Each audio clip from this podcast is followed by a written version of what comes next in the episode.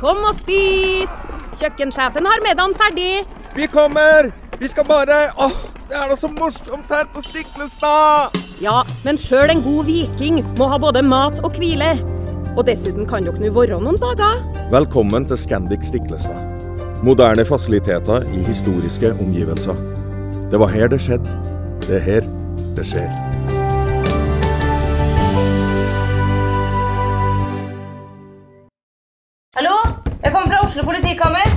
Ine Jansen er purk. Er du purk? The motherfucking bitch. Alt jeg vil, er å finne ut hva som skjedde med mannen min. Jon Carew. Er jeg sikta for noe? Iben Akeli. Det er du.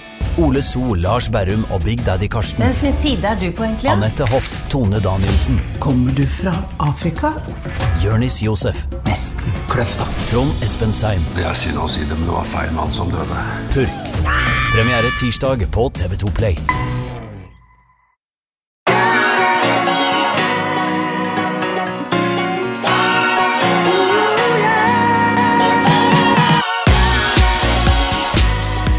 Velkommen til podkasten Hjernestark. I dag med gjest Camilla Aastorp eh, Andersen, kjent som eh, treningsfrue. Det er veldig hyggelig at du kan være med på podkasten Hjernesterk. Du, det setter jeg kjempestor pris på. Eh, dere er jo eh, flotte folk som jeg ser opp til, så jeg er veldig privilegert av å være med i dag. Det er veldig hyggelig å høre. Vi, eh, vi liker jo å snakke om eh, hvordan vi skal formidle det gode budskap om eh, folkehelse og skape økt bevissthet og motivasjon til å mosjonere. Eh, Ole Petter, var du som tipsa om å ta med Camilla, fordi det er jo noe med dette her å nå ut til folket. Og Camilla har ja, det var du som sa det, Ole Petter, over 133 000 følgere på, på Instagram. Og eh, hva var tanken din Ole Petter, med å ta med Camilla? Nei, du, For det første så er jeg en veldig stor fan av Camilla. og Treningsfrue. Jeg har fulgt henne på sosiale medier i mange år. og så har jeg truffet henne ved et par anledninger. Faktisk Første gangen jeg traff eh, Camilla, det var uten å vite at det var treningsfrue. Det var på et sånn lekestativ, sånn jungel... Hva heter det? Klatrepark på Vestlia hotell, hvor jeg var med mine barn, og hun var med barna sine. og um, Så husker jeg var, det var en sprek mor, gitt, som lekte rundt med, med kidsa sine. Og så skjønte jeg etterpå at det var treningsfrue. Så jeg møtte henne ved et par anledninger i forbindelse med noen sånn foredrag vi har holdt uh, for noe som heter Talelisten. Og ja, og jeg eh, opplever jo at Camilla er utrolig god eh, på sosiale medier til å fremme fysisk aktivitet på en veldig fin måte. Litt sånn lavterskel og eh, veldig tydelig at det er en sånn Hun brenner virkelig for det og har et ønske om at folk skal bevege seg litt mer. Og, ja, så, og så tror jo jeg at dette med sosiale medier er en litt sånn undervurdert arena for folkehelsearbeid. Jeg tenker det at uh, I den situasjonen vi er i, med så mange inaktive, både voksne og barn, samtidig som vi vet hvor viktig fysisk aktivitet er for helsa vår, så, så tror jeg vi må bruke alle de arenaene vi, vi, har. Og der tror jeg som sagt at uh, det er en undervurdert arena. Mm. Camilla har 133 000 følgere på Instagram. Uh, Helsedirektoratet har 15 000. Mm. Men Camilla, kan ikke du fortelle litt om forholdet ditt til fysisk aktivitet, og, og hvor, hvordan det ble sånn at du begynte å, å, dele dette med tips og råd og innspill til fysisk aktivitet og fysisk trening via sosiale medier? Ja, altså jeg har jo alltid vært aktiv fra jeg var liten. Eh, drevet faktisk mange år med stup. Eh, og så har jeg vært gjennom det meste av, av, trening, av, ulike sporter som fotball og håndball og, og, sånne ting, så jeg var en aktiv ungdom. Eh, og så ble jeg introdusert for styrketrening når jeg møtte Jørgen i 2004. Det begynner å bli noen år siden. Det var liksom da jeg begynte å, å trene styrke. Eh, og så Uh, og, så, jo, og så var det jo gjennom et par graviditeter. Uh, to tette, egentlig. Og så fant jeg vel ut, etter at barna var, var, født, at jeg ville på Instagram. Og da het jeg ikke treningsfrue, da het jeg Snuppa32. Jeg var 32 år. så det var ikke så mye sånn branding, merkenavn sånn sett. Men, men jeg starta jo starta jo med, med å, å, fronte trening og, og kom litt på at liksom hverdagshelsa og hverdagsaktiviteten det var det som traff folk. Og og det bare bygde seg sakte, men sikkert eh, opp på sosiale medier. Så Instagram eh, var jo det jeg starta med. Mm. Så jeg har jo på en måte sett at det har vært et behov for eh, ja, å gi folk verktøy og hjelpemidler til å finne, som du sier, enkle, hverdagslige altså aktivitetsøvelser. Alt fra minibands til løping til trening uten kroppsvekt. Spesielt nå i disse tider så, så har det jo vært mye av trening, kropp, eh, ut, trening med kun kroppsvekt. Mm. Uten utstyr. Så jeg har liksom alltid prøvd å legge meg litt sånn på lavterskelnivå, egentlig, for å ja, treffe flest mulig. Det er jo der den store basen er, vil jeg si. da. Mm. Det, Mm. Men uh, Ole så... Petter, du var litt inne på dette her med å, å nå ut, uh, som du sa, uh, sammenlignet med Helsedirektoratet sin Instagram-konto, så har jo da Camilla enormt med, med følgere, og er, er, er, på en måte Influensere, de som har gjort det stort på sosiale medier, er de undervurdert som, som kilde til å motivere til fysioterapeut. Hva tenker du om det? Er det, er blir de tatt nok på, på alvor? Det, det, det, er jeg litt usikker på. Når jeg sier undervurdert, så tenker jeg vel både at kanskje myndighetene i større grad burde involvere seg på den arenaen. og jeg jobber jo veldig mye med barn og unge, og nå vet jo ikke jeg helt sikkert eh, alderssammensetningen på følgemassen til eh, Camilla, men jeg ville jo tro at det er relativt mye relativt unge folk. Ja, altså kjernen er, eh, er kvinner 25 til 35, faktisk. Ja. Kona mi er 40. Jo... Hva sa du? Kona mi er 40. Hun følger deg. Ja, det er jeg òg. Ja, så hyggelig. ja, da, Nei, det er, ja. Så eh, det er klart, som, som, mann på 50 så vil jeg jo si at det er en veldig ung alderskategori. Da. Så spesielt kanskje for den uh, gruppen så tror jeg, uh, hvis vi skal kalle det influensere, jeg vet ikke om det er et ord du liker, uh, Camilla, men så tror jeg de har en veldig stor påvirkningskraft, og at det er et, noe vi bør bruke. og jeg var jo litt sånn forutinntatt, for når jeg tenkte influensere, så tenkte jeg noen sånne helt perfekte, som er mest opptatt av å vise fram seg selv og hvor spreke og flinke de er. Men eh, jeg ser jo at det er veldig mange. og og da trekker jeg fram Camilla spesielt, som, eh, som, når ut til veldig mange og viser at hun er bare en vanlig dame, hun òg.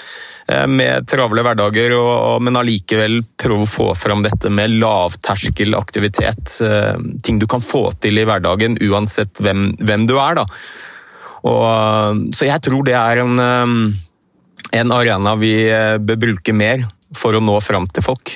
Hvordan opplever du det, Camilla, i forhold til det arbeidet du har gjort? Nå er jeg usikker på hvor lenge du har holdt på, men uh, Treningsfjord er et veldig kjent uh, navn. Uh, så, så du, har jo, du, har jo, gjort det veldig bra.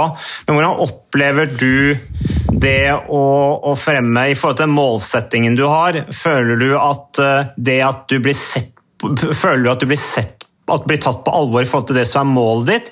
Eller, at, eller, føler du noen ganger at fordi at du gjør det bra via sosiale medier, eh, du er kvinne, eh, du holder deg i form, eh, og at du blir litt sånn uglesett av enkelte områder av samfunnet. Hvordan føler du, eller hvordan, hvordan, hvordan opplever du det?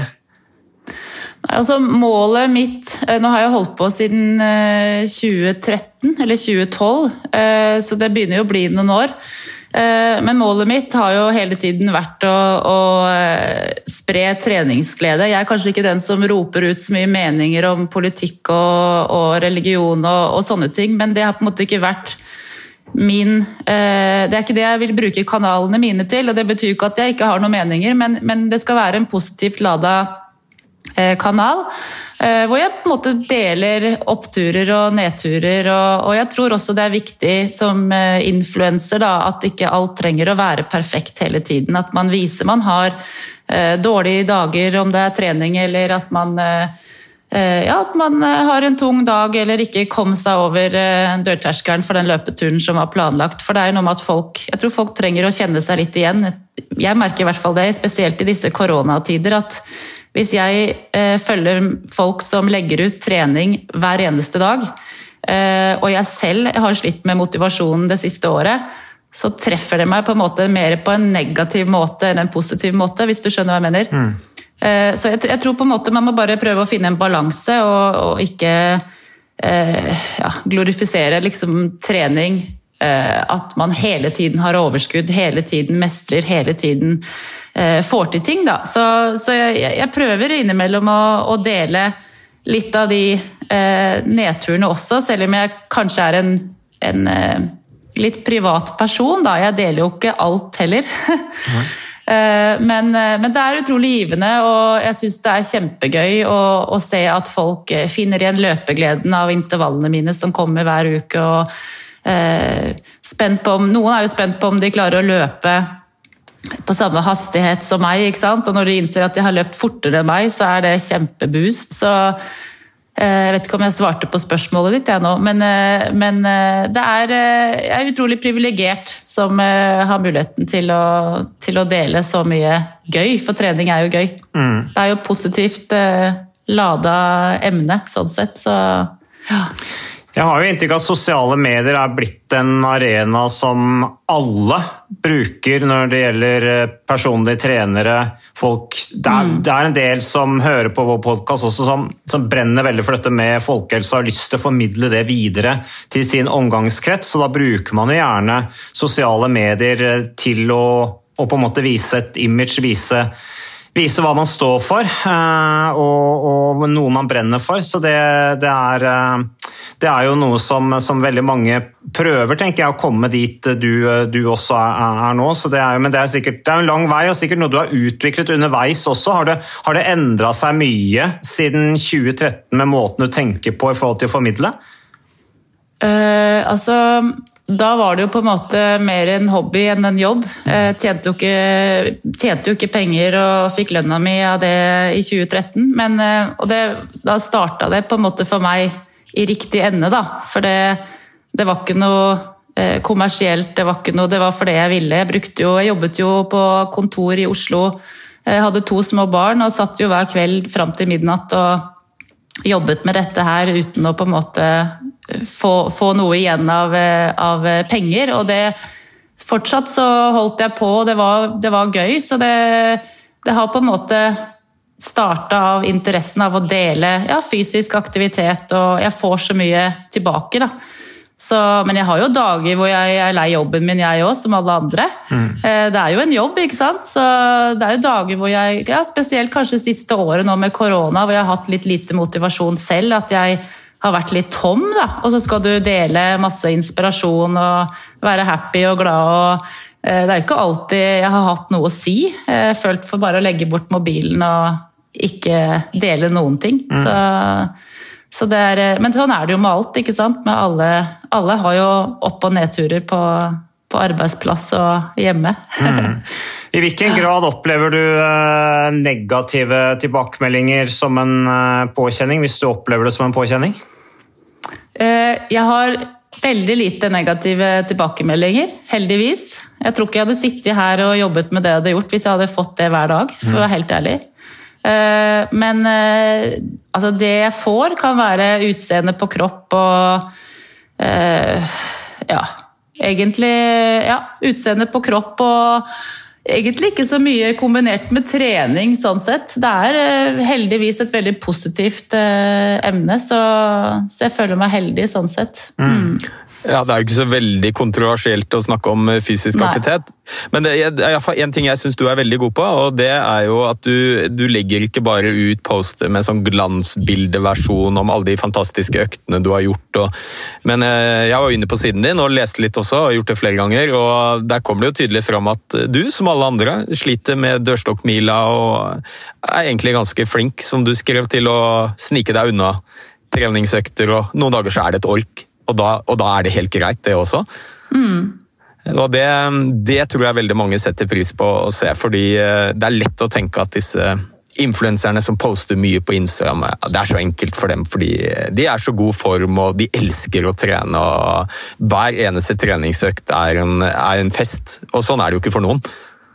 Nei, ikke i det hele tatt. Og det er som jeg sa, jeg har, jeg har slitt ekstremt mye med motivasjonen siste året. Det, det, har, vært, eh, det har, vært, tøft. Og jeg, jeg fikk jo hund for eh, ett år siden. Og, det har vært eh, det har, altså Jeg har jo bare funnet glede av å gå tur, altså gå, lage turer. Ikke nødvendigvis løpe så veldig mye, men så det har vært mye av min motivasjon hvis jeg har hatt litt sånn dårlige dager, å bare komme meg ut og gå tur. Så den den hverdagsaktiviteten der, den uh, har ligget uh, litt på lading i altfor mange år hos meg. Jeg tok jo bilen til alt, nå går jeg jo. Så det er undervurdert, altså. Hm. Det er godt for hodet òg. Hører jeg på podkasten deres, da, vet du.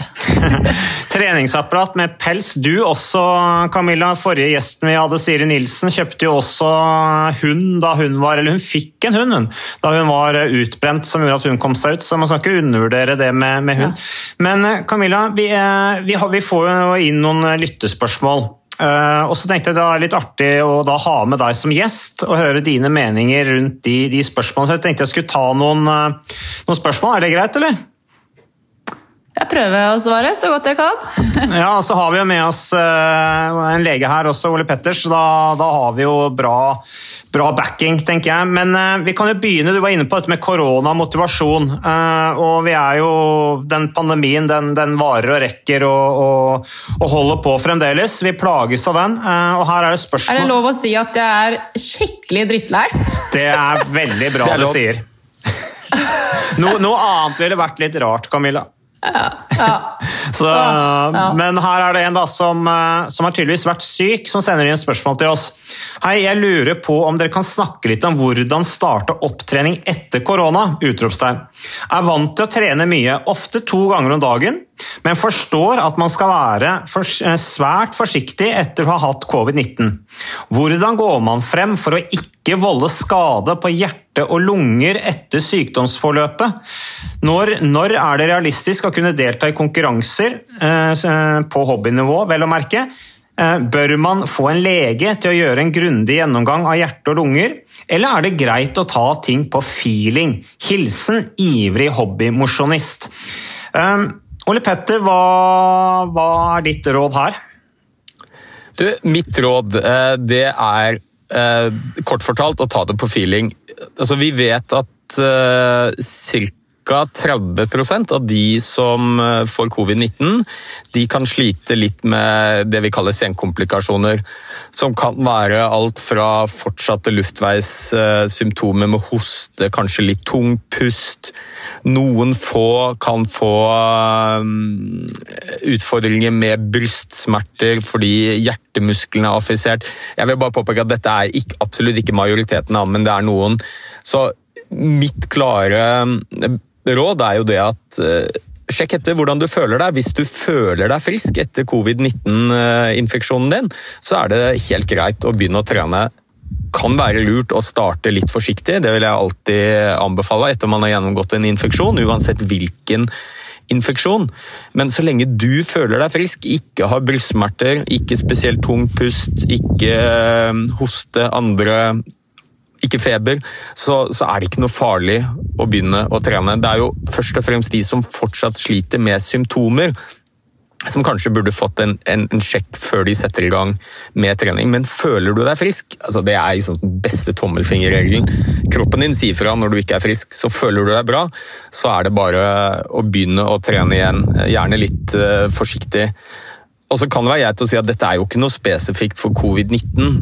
Ehm, de aller fleste virusinfeksjoner, kyssesyken, eh, influensavirus, har en tendens til å gi litt uh, symptomer i ettertid av uh, infeksjonen. Så dette er sånn, noe som gjelder alle. Så det er ikke farlig å begynne å trene igjen så lenge du føler deg frisk. Nei, det skulle akkurat til å si det, Ole Petter, at eh, det er vel som alle andre sykdommer du har eh, hvis du er aktiv og trener og holder deg i form, og så får du en influensa eller eh, i verste fall kyssesjuka. Så er det liksom sånn, Når du er feberfri, så kan man begynne å starte opp litt uh, forsiktig. Uh, og så ta det litt pent i starten. og så er det gjerne sånn Hvis man har vært borte noen uker pga. Av, uh, av sykdommen, så man jo, må man jo starte litt på bunn. Du er jo i dårlig form igjen. Så da, da er det noe med å starte opp pent. Men uh, det, er, det er jo en del som er redd for covid-19 pga. det man sier om påvirkningen på lungene da, og hjertet borte, men eh, det du sier her, at det er ikke nødvendigvis så mye verre enn andre sykdommer, eller misforsto jeg deg da? Nei da, altså problemet vårt, eller utfordringen er jo at vi har jo ikke noe langtidsdata. Dette er jo ny, eh, ny virusinfeksjon som vi ikke har hatt før. Så det tar jo litt tid å, um, å samle data for å finne ut sant, hvilke av disse komplikasjonene er relatert til covid-19 og hvor lang tid tar det. Men hvis du følger den tommelfingerregelen om at hvis du føler deg frisk, så, så er det helt greit å begynne å trene. Og så tror jeg veldig mange undervurderer den mentale effekten av å være i bevegelse. Eh, hvis dette er folk som er glad i å være fysisk aktive, så gjør det jo noe med vår mentale helse også, det å ikke kunne trene. Så, så selv om du kanskje fysisk er satt litt tilbake fordi du har vært sjuk, så, så, tror jeg det er smart å, å, å, sette i gang igjen med en gang du føler deg frisk. Mm. Om det så er rolige spaserturer til å begynne med. Alt er bedre enn ingenting, altså. Camilla, hvordan er det med deg? Kjenner du noen som har hatt covid-19 som har skrevet til deg med, med spørsmål om det, eller? Ukas annonsør det er uh, HelloFresh. Og uh, hvis du nå går inn på hellofresh.no og bruker koden 'fresh hjerne', så kan du få opptil 1779 kroner rabatt på da de fem første matkassene dine hvis du ikke har prøvd Hello Fresh enda. Og Ole Petter, vi er jo glad i Hello Fresh i podkasten Jernsterk, selvfølgelig fordi at de er en annonsør. De er med og bidrar til å spre det glade ordet om fysisk aktivitet og god helse. Men i tillegg så har jo vi også nå lang erfaring med Hello Fresh eh, selv. Så vi må jo si at det har vært gode erfaringer til nå. Ja, absolutt. Visste du Mats, at HelloFresh er faktisk verdens ledende matkasseleverandør? og Tilbudene til HelloFresh gjør det enkelt å lage gode og varierte retter som skaper matglede. Og matglede vet du, det er like viktig som hva du putter i munnen. Det å spise mat med folk du trives med. Så gjennom 25 nye og inspirerende retter hver uke så bidrar HelloFresh til dette. Du kan bestille ekstra porsjoner om du får gjester, eller hoppe over uke hvis du f.eks. skal bort. Mm. Og Det er ingen bindingstid, og du velger leveringstidspunkt og dag selv, så leverer Hello Fresh matkassen din akkurat når det passer deg. Ikke dårlig, Mats. Nei, det er veldig bra. Så, eh, og dette er med enklere hverdag, det kan jeg nå skrive under på. For nå, forrige erfaring vi hadde forrige uke, Ole Petter, det syns jeg var Det var jo et gjennombrudd eh, for familien Kaggestad. For da lagde rett og slett barna de lagde middag og serverte middagen, så den var ferdig laget og servert da når eh, min kone Marita og meg kom hjem fra jobb. Og jeg mener Det var jo bare helt utrolig. Eh, det var helt fantastisk. Det ble en nydelig middag. Riktignok de, de, de, de roter og søler litt, det gjør de. Så, men, men, maten ble veldig god. De var veldig stolte over å kunne ha både laget og servert maten, så det var helt fantastisk. Så vi har jo da i det siste så har vi eh, spist eh, bl.a. sitron- og dillstekt hyse med ovnsbakte grønnsaker og aioli. Eh, vi har spist middelhavsinspirert kylling. Taco, så finnes det mange ulike typer taco. F.eks. vietnamesisk taco, som vi har spist. Thailandsk vegetargryte. Veldig riktig og sunt uh, i dagens uh, samfunn med, med, fokus på bærekraft. Hvitløk og chilistekte reker i spagetti, det var definitivt en vinner. Så det er så flott. Du får rimelig mat ved at du kun betaler for det du trenger, så det blir ordentlig feststemning med Hello Fresh. Det gjør det, og nå er det bare for deg å gå inn på hellofresh.no og bruk koden 'fresh hjerne'. Da får du opptil 1779 kroner rabatt på de første fem matkassene dine hvis du ikke allerede har prøvd HelloFresh. Du kan også bruke rabattkoden hvis du har stoppet abonnementet ditt for tolv måneder siden eller mer. Er det noe å lure på? Håper maten smaker godt. Bon appétit! Jeg har ikke fått uh, spørsmål om det, men jeg har hatt uh, en venninne som har uh, hatt det, og vært relativt nede for telling noen uker. Så for hennes del, akkurat som du også sier, at hun startet jo med rolige gåturer. Bare for å komme seg ut. Vant til å trene og Supersprek jente som bare var sliten hele tiden, slitt med tungpust og Eh, så det har vært ganske tøft. Nå er hun ute igjen og begynte å gå turer og bare komme seg i gang, da. Mm. Ja, og så var det jo et delspørsmål til deg, Mats. Unnskyld at jeg avbryter deg, men det var om man burde gå og få en helsjekk av hjerte og lunger og um, hvis man har gjennomgått covid-19. Og da er min klare anbefaling nei, hvis du føler deg frisk. Fordi altså, kroppen vår eh, er utrolig god til å si ifra når det er noe som er gærent. Og er du glad i å trene, eh, så er det helt åpenbart at både lungene dine og hjertet ditt er helt essensielle for å, for å Når du skal være i fysisk aktivitet. Sånn at hvis du føler deg frisk, så er det absolutt ikke nødvendig med noe full lege, legesjekk. Hvis du derimot fortsatt sliter med tungpust, vondt i brystet f.eks. når du er i aktivitet, da ville jeg gått eh, til fastlegen i første omgang, men, men ellers ikke. Eh, jeg har jo kommentert eh, sykkelløp nå en uke fra Catalonia. og Der var det jo den store Peter Sagan, den slovakiske syklisten, som, som, jo har vunnet VM flere ganger, bl.a. i Bergen i 2017. Han kom jo tilbake nå fra covid-19-sykdom, og endelig vant han. Og Det er jo flere eksempler på det også i, i sykkelfeltet, på ryttere som har vært ganske dårlige, men som har kommet tilbake og, og vunnet. Så jeg tror vel at eh, man ikke skal være altfor bekymra, som du sier jeg er litt inne på, Ole Petter. Hvis du i utgangspunktet er sunn og frisk og har holdt deg i form, trent regelmessig, og så får du covid-19, så har du gode sjanser til å komme tilbake igjen på et godt nivå. Og det er jo de som gjerne har underliggende sykdom, og som kanskje er i, eh, i, eh, ikke, er i relativt dårlig form, da, som blir hardest ramma. Er det ikke slik? Jo da, det, det, er jo sånn. For de aller fleste så, så, gir Og nå snakker jeg om en klar majoritet av de som får covid-19, de kommer seg greit gjennom det. Det gir en relativt eh, mild, eh, mildt sykdomsforløp. Eh, men så ser vi at det er litt variasjoner, kanskje spesielt med de nye virusvariantene. Jeg skal prøve å unngå å kalle de muterte, for det syns jeg høres så skummelt ut.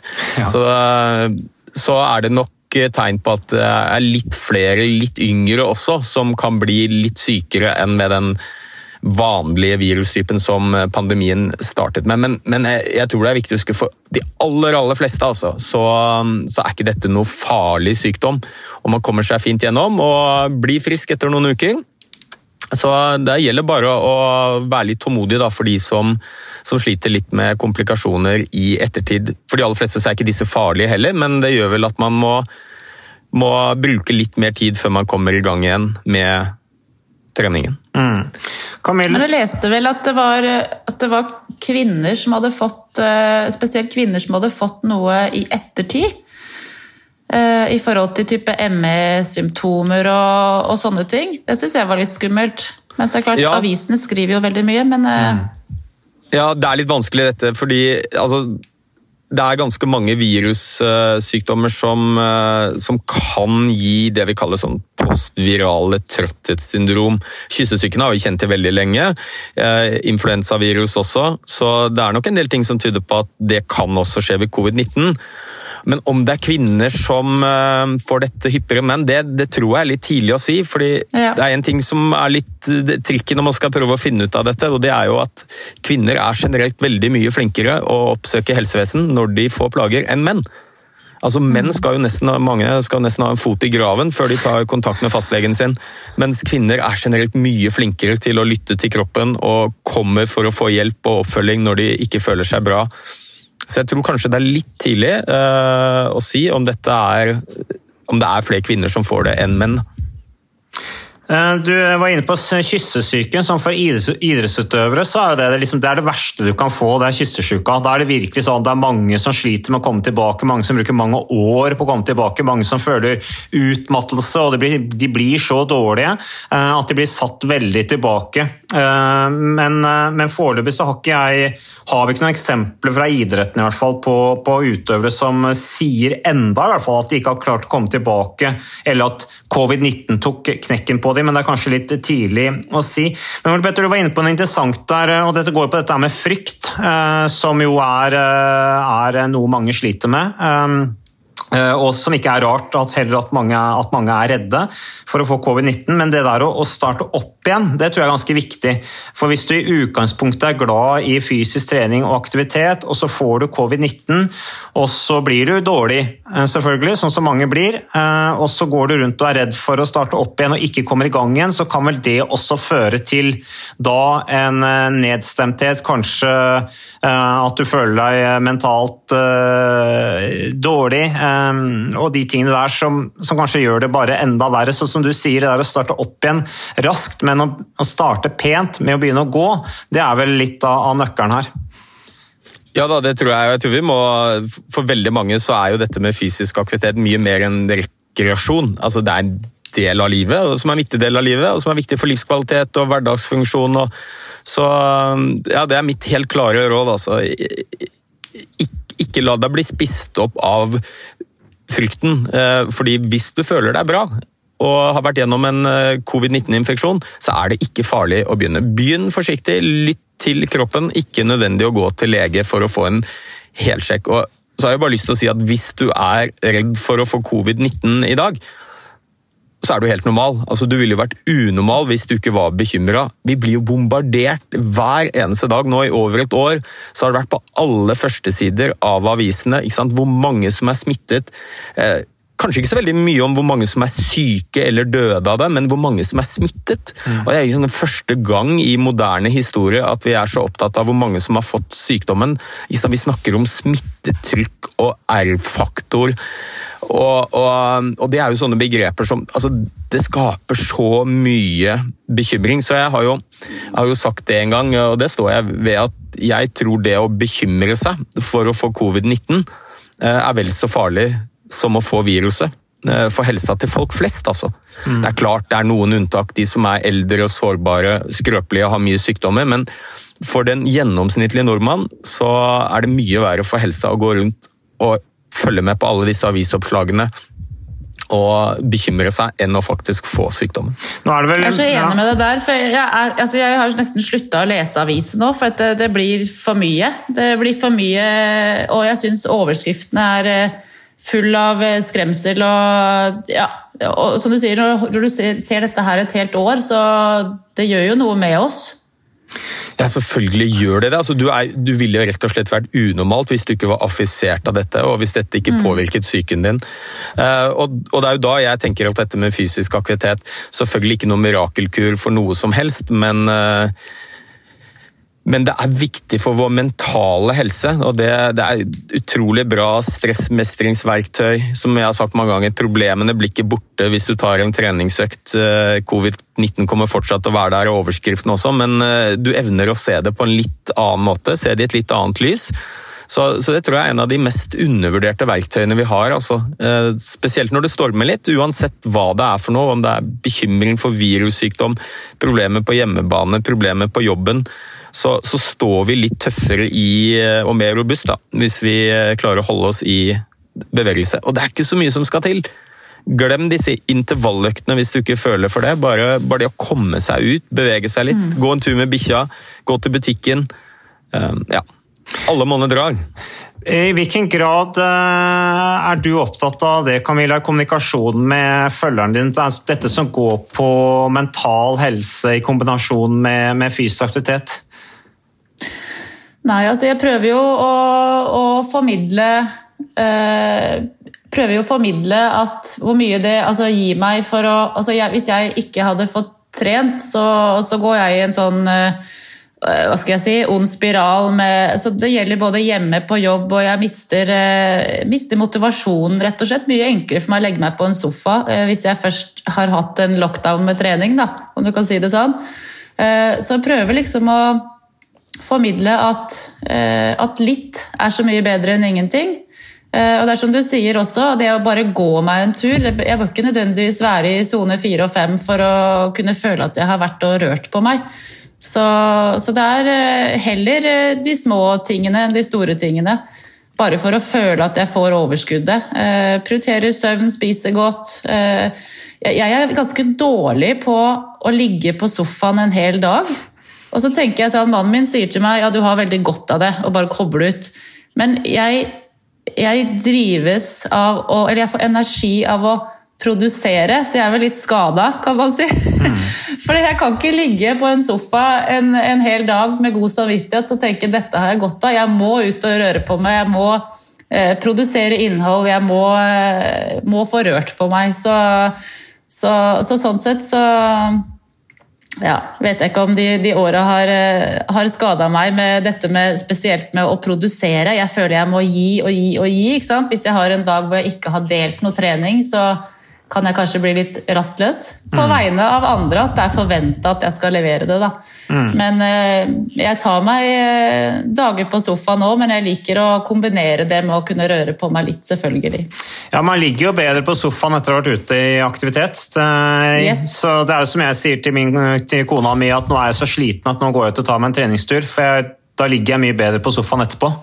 For det er jo liksom noe med å lese, konsentrere seg, alt. Du får på en måte mer glede av å ligge på sofaen etter å ha trent, syns jeg i hvert fall. Yes. Ja, etter at alt er gjort, liksom. Og da er det trening, og det kan være jobb og ting som ikke er liggende. Så helt klart. Jeg tenker Det er en annen ting jeg syns du er veldig god på, Camilla. og Det er jo det å, å se helheten i dette med helse. Du, for du heter jo treningsfrue på sosiale medier, og, men du snakker jo ikke bare om trening. Du snakker om mat også. Mm. Eh, jeg har en datter som eh, har cøliaki. Har du det? Ja da, jeg har både en kone og en datter som har cøliaki, så, så, jeg anbefalte eh, datteren min å følge deg, da, og det har hun gjort. Og hun syntes det var kjempe ikke kult, men, eller hun, hun, sa kult, men det var mer det at det var interessant da, at du fortalte om din egen reise, for du fikk jo diagnosen bare for noen år siden. Ja, det var mai for to år siden. Ja. Da lå jeg rett ut i to uker og skjønte ikke hva som eh, feilte meg. Det var helt krise. Ja. ja. Og Det var akkurat det samme datteren min kjente seg igjen i, og har da vært inne og sett på oppskrifter du har vist og laget. Og så, så, det er litt kult at du Så hyggelig. Selv om du heter treningsfrue, så, så, er det ikke bare trening, det er de andre helseaspektene av livet også. Ja, og det, akkurat det med cøliakien og, og, kosthold, er, det, det er nesten så det slår treningen, faktisk. Eh, det er, altså jeg innså hvor mange som sliter med, med mage. Ikke bare cøliaki, men mage-tarm generelt. Da. Eh, så når jeg valgte å dele den, eh, den historien og, og, reisen videre, så det var helt ekstremt. Aldri hatt så mye tilbakemeldinger og, og spørsmål. Og, og, og, da er jeg veldig sånn på Jeg er jo ingen ekspert på dette området, så jeg satt jo der som et stort spørsmålstegn selv. Men, eh, men det, var, det traff tydeligvis veldig mange. Så jeg har som mål å bake de diggeste glutenfrie bollene. Så jeg, det, jeg tenkte jeg skulle bruke påsken til å prøve å finne en oppskrift på det. For det, jeg er jo veldig glad i å lage mat og bake og, og sånne ting. Så det, målet er å lage mer glutenfri mat da, som kan hjelpe andre. Men hele mm. poenget her er vel at du, du sier at du er ikke ekspert, um, men du har en diagnose, og så er det noe med å vise da dine følgere hvordan du klarer å fungere best mulig til tross for. Ja, Istedenfor å si ja, jeg har cøliaki, så jeg kan ikke gjøre ditt, jeg kan ikke gjøre datt, men du har fått diagnosen cøliaki, og så er det noe med å da innfinne seg med den situasjonen og, og, og fungere best mulig med det, og leve med det. Uh, uten at det skal sette deg noe tilbake. og det, Sånn sett så er jo det en inspirasjon. Så det er jo kjempebra bra jobba. Men du skulle si noe, Petter? Nei, jeg skulle si at uh, er, jeg tror det der har en enorm verdi for mange. Uh, Cøliaki er jo en relativt Det er jo ikke en uh, folkesykdom, men det, men det, er jo en del nordmenn som har det. Men det er mange som er plaget med andre Kall det sykdommer eller plager fra, fra tarm og mage og, og sånt. Og da kan man jo selvfølgelig gå inn på helsenorge.no hvis du tar cøliaki som et eksempel. Da. Og da får du en del sånne tørre akademiske fakta om hvor mange som har sykdommen, og nøyaktig hva som skjer med tarmtotten, og hvilken type mat du skal holde deg unna, først og fremst. Men det, jeg tror ikke det appellerer til folk flest. Altså, da er det mye bedre i et sånn folkehelseperspektiv da, å, å lese om en som, som, har sykdommen, har erfart den og kommer med eksempler på god mat du kan lage. Så jeg tror det har en veldig, altså en undervurdert verdi. da. Mm. Dette med at det er folk som uh, har stor gjennomslagskraft, treffer mange mennesker gjennom sosiale medier, og som står fram, at de har sykdommen og deler uh, kunnskapene sin. Det, det, tror jeg er vel så viktig som disse formelle kildene fra myndighetene. Eh, du spurte meg om negative sider med å eksponere seg i sosiale medier. og da, Der følte jeg nok litt på det når jeg delte den historien med med at folk eh, diagnoserte meg, eh, rett og slett. Når jeg skrev For jo Jeg kom jo ikke fram til cøliakien før utpå sommeren, faktisk. Eh, og da hadde, var jeg jo døden nær, sånn for mange. Mange mente jo at jeg hadde kreft og jeg hadde søster og jeg hadde ditt og jeg hadde datt. og Det, det var veldig skummelt. Og, og jeg gikk jo gjennom den sommeren med veldig sånn Hva er det som feiler meg? ikke sant? Mm. Før jeg visste at det var cøliaki, og da ble jeg nesten litt letta at det var det. For det kunne vært så mye verre. Men eh, det er kanskje ulempen at man har en del hobbyleger der ute som eh, mente at jeg var veldig syk. ja, det er, det er, jo De florerer da, og spesielt nå under pandemien. Tenk deg så mange smittevernseksperter vi plutselig har fått i Norge. da. Ja. Uh, og det var vel en, han Dag Hessen, biolog, som jeg liker veldig godt, han sa vel det at uh, det er egentlig ikke noe å bekymre seg for i Norge. Så lenge vi har flere smittevernseksperter på Facebook enn det vi har antall smittede, så går det nok bra. ja, vi har millioner med smittevernseksperter, så det, det er veldig betryggende. Men uh, Camilla og Ole Petter, jeg tror at Eh, vi har kommet til veis ende med denne podkasten. Petter, du sitter jo i en bil, eh, så du syns sikkert det er greit nå å komme deg ut i frisk luft. Og Camilla, du har sikkert dine, dine planer som, eh, som, du skal gjøre. Så, så, jeg takker veldig for at du ble med, Camilla. Så, du, Mats, ja? du, du, må ikke gi deg helt ennå. Jeg vifter, vet du. Nå prøver jeg å få kontakt med deg. Ja. jeg har én ting jeg har veldig lyst til å spørre Camilla om. Vi har tid til det? Kjør på. Kjør på. Ja. Har du noen sånne helt konkrete tips? Eh, lavterskel for å få folk i aktivitet? De som er litt skeptiske og kanskje ikke har vært så glad i, i trening. Noen helt konkrete råd til de som sliter veldig med dørstokkmila? Ja, altså jeg tenker i hvert fall at man eh, skal legge vekk hva alle andre gjør, og så finne noe som eh, gir en noe. Det er ikke, noe, det er ikke selvvalgt at man, man, skal eh, løfte vekter eller eh, man skal like å løpe. Så det å prøve å finne i hvert fall noe som eh, gir en energi eh, det kan vel kanskje ta en uke eller to før man begynner å kjenne å, dette her liker jeg. Så det er ikke sånn at man tester ut en ting og så, og så gi opp hvis man ikke liker det. Men eh, det må være lystbetont og, og noe som gir en. Og så bare ta tida litt til hjelp. for det Mestring kommer over tid, eh, og eh, man er ikke noe verdensmester med en gang. Og man trenger ikke å bli det heller, men gi det litt tid. Legg gode planer. Jeg er veldig sånn, Nå ødela dere løpeturen min i dag, og det er greit. Mm. men, men jeg har slitt litt med med, altså Løpeinspirasjonen har klart å holde meg til én i uka, men jeg starter alltid mandag med en løpetur, for det setter liksom eh, lista for hele uka for meg. Da Da vet jeg at ok, da har jeg fullført den løpeturen, og så er jeg heldig så kanskje jeg får til en intervall i løpet av uh, uka også. Men uh, også bare prøv å, å, hente litt inspirasjon der du, uh, der du finner det, og, og, få med deg familie og barn nå i påsken. altså vi har hatt mye artig burpee challenges med barna her, og små løpeturer med gutta. ikke sant? Trenger ikke å være så langt. Eh, jeg syns det også er godt å bare ta på meg rett og slett bare ta på meg ørepropper og høre på podkast eller musikk og bare gå tur også. Mm. Eh, da kan jeg gå i flere timer. Så ikke kompliser det så mye. Kanskje sett deg, eh, sett deg noen mål. Eh, planlegg ukene, og så legg fram treningstøyet dagen før. Veldig gode tips der, eh, Camilla. Noe av essensen av det du sier der, er jo også det å ha variasjon. Gjøre forskjellige ting. Mm. Eh, kanskje se an været litt og dagsformen osv. Du må ikke nødvendigvis følge et program slavisk heller for å oppnå god form og, og god helse. Så tusen takk for bidraget, både til deg, Camilla, og til deg, Ole Petter. Og så eh, takk for at du hørte på podkasten Jernsterk, og vi er tilbake med mer neste uke.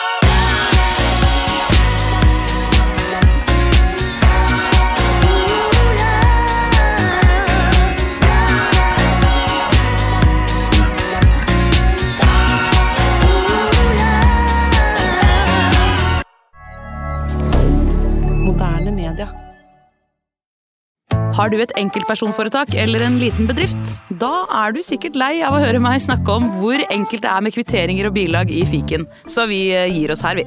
Fordi vi liker enkelt. Fiken superenkelt regnskap.